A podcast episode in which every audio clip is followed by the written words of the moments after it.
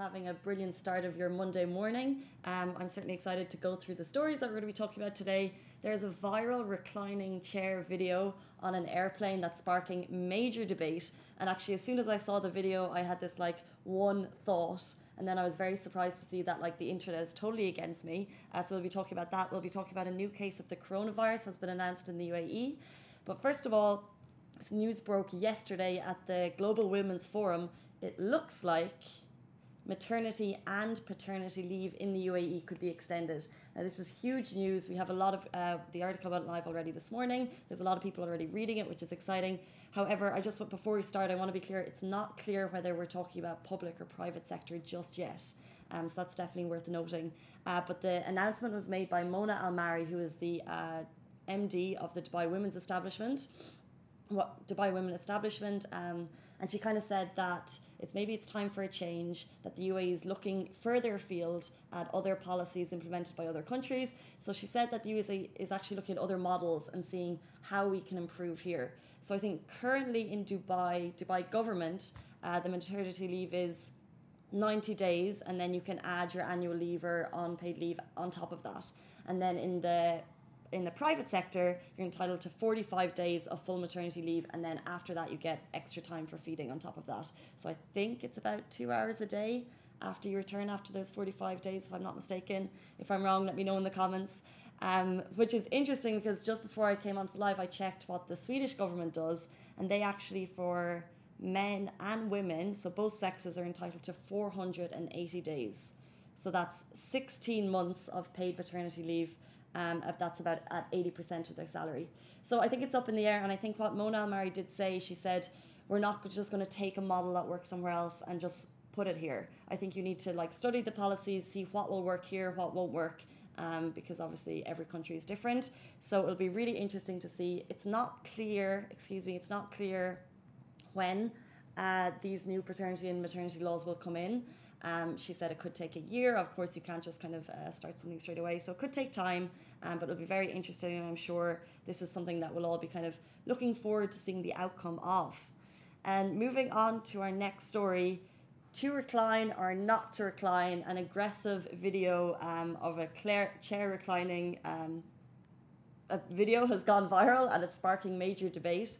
I would love to get your thoughts on this because I think in Dubai we are a traveled bunch and we are on planes often, we're on buses maybe often, um, and this happens a lot. So basically, background of the story is Wendy Williams, uh, regular gal, was traveling on an American's airline flight, and she uh, started to recline her chair. And I think she said that when she initially did it, the guy behind her, who it's worth noting, he's at the very back, so he can't recline his chair. That kind of comes into play a bit. But he punched her seat about eight times very aggressively. So she let him know that she was going to start videoing it. And when she started videoing it, rather than punching it, he starts for the whole journey just going, dun, dun, dun, dun, dun. Um, I'm just gonna just so you can see beside me, you can just watch it, see see what went down. Dun, dun, dun. Yeah, so pretty crazy behavior after that, I think um, Wendy got in touch with uh, whoever's a flight attendant who who apparently reprimanded her and then gave the guy a drink. I'd love to get your thoughts on it. Chai, do you have any kind of initial impressions on this? I understand where it's coming from, but like, it's, it's not right to punch the person's chair in front. Like, you should ask politely. I'm sure, like, the person in front would be like, will understand. But where are you in terms of uh, getting on a flight? Are you one of these people who reclines as soon as you get on or as soon as it's safe to do so? Or do you think, okay, person behind me may not have leg room, so I'm just not going to recline my seat? Well, to be honest, I, am not that tall of a person. Like, I'm probably average height. So I don't need to recline that back. Yeah. I, just recline this, you you know the safety amount and you just drive. The safety amount. You're either going all the way back, or what's the point? Well, to, to be honest, I, I'm not one of the person who really likes to recline. To be honest, I like to sit up straight most of the time on flights. Wow. So I, I recline to a like you know a little thirty degree angle or something. Yeah. But, but, but not too much. Like uh, I know the person behind me has the leg room and they don't feel discomfort or anything. Okay. Especially long haul flights, like your legs hurt. You can't sit down for so long. So Chai is a model airplane passenger that you want sitting in front of you. I personally believe that the airplanes are built in a certain way to allow you a certain amount of legroom. Your chair has a certain degree, d- degree that it can recline, um, and it's all it's all been like purposely built by these engineers. So why not? However, um, there's two sides to this. So the initial thread on the internet, this video has been viewed a million times, by the way, and nearly 900k.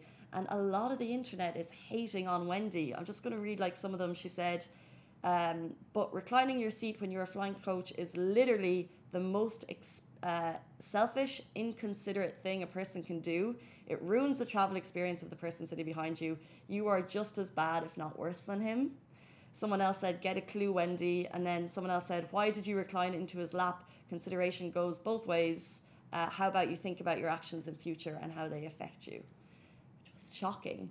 Um, but then uh, when we posted the story, I felt that the Dubai crowd or kind of the comments or the Lovin Dubai audience was a little bit more forgiving to Wendy. Uh, Veronica Millward said, Every single person pays for the features of the seat, which includes a seat recline feature. The lady is fully entitled to recline her seat. And then Harley Sabater said, I paid for my seat and I will use it for my for its intended purpose. Exactly. Why would they have it there if you shouldn't recline it? Yeah, I'm not saying not to recline it, but like just be considerate about the person behind you. Like again, uh, it, it might be But- different for a tall person because I know for my dad and my brother they're like really tall, so Mhm. they would want to recline their seat backwards because there's not enough legroom in the front. Sure, but you say be considerate. So I guess I think the nice thing here is communication. There was no communication here. He, uh, she didn't tell him that she was going to recline a seat, and then he initially started punching it. So no communication. However, if I turn around and say, "I would like to recline my seat," and the person says no, like there's no because there's no give and take. You don't know the person. You don't I- owe them anything. You recline your seat, and if the person behind you has an issue, just like that person Then you come communicate. Hey, can you push it a little bit in front? My legs are a little discomfort. I would rather go through that approach than punch a chair and like, it just makes the situation awkward. I'm just watching this, and he just constantly imagine having like a brain punch the whole way through your flight, and the fact that the air hostess gave him a drink. So he is sitting at the very back with no seats. Guys, do you have any thoughts on this? Are you recliners? Are you not recliners? I'm, I'm not even ashamed about it. I'm a recliner. Chai is a, a semi-recliner. but he doesn't feel like he needs to. Yeah. I think I've got long legs, so I can. Yeah, you, you can. Like, but, But it shouldn't be about height, though. And, and a lot of people said, look, if you're a, a lot of people who supported Wendy, Wendy said, if you want extra leg room, just pay for it. That's like, you're tall in life, then you uh, need to deal with it. also like you know the little ways airlines get to you. Like, I, it- it's a weird space. just one. Well, you have uh, someone agrees with you. Morning, Samira. Samira says normal person would not do that. Talk instead, maybe. And I 100% agree. If regardless of the debate of reclining or not, this behavior is not okay, and a quick chat would have been Yeah. Would have sorted it out. If the person said, "All right, uh, you can, but just don't go to the full extent," like you know, just it's it's a one-liner, like. I'm going to the full extent of it. no, no, no. But I think. I think if if that type of behavior starts, then you talk around and then you then you kind of hash it Yeah, out of like, it. You but- shouldn't resort to this sort of a behavior. That's what I'm trying to Yeah. to like. Uh, you do it, but just like you know, self-awareness. Self awareness. I just Yeah. I don't I don't think it works to ask for permission on recliner seats. I know they don't ask. You recline, And then if the they have a person problem. behind you feels a discomfort, so like uh, I'm not going wrong on Wendy right here, but the person behind, he should have just like turned around and told her, look, uh, I'm feeling a little discomfort, like I can't recline. Just, just the one line, I'm sure she would have understood. She Yeah. like, it's all right, I'll push it up in front a little bit. Like you know, come to a compromise. 100%. Compromise is key, guys. Compromise is key. Moving on to a uh, more serious topic, but it's also we're talking about kind of personal space and um, in small spaces and enclosed spaces. We're talking about the coronavirus UAE. The ministry has announced the ninth case, um, brings the total number of cases to nine, the total number of recoveries to three, and the people that are still in care, I think. Uh, all cases are stable. However, one is intensive is in intensive care. And this is a the newly announced case is a 37 year old Chinese man, and it's just a reminder to us all: continue, con, let's continue to wash our hands, mind your personal space, and uh, all of the tips and tricks to um, to stay away from the coronavirus are on Ministry of Health.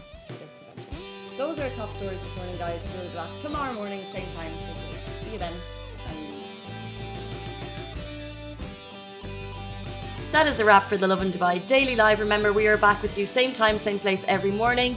Do not forget, we also have Dubai Works Business Podcast where Rich sits down with the business people of Dubai so you can get more information about that. And of course, the Lovin Weekly Show where Shireen and I chat to influencers and get to know a little bit more about them. Bye.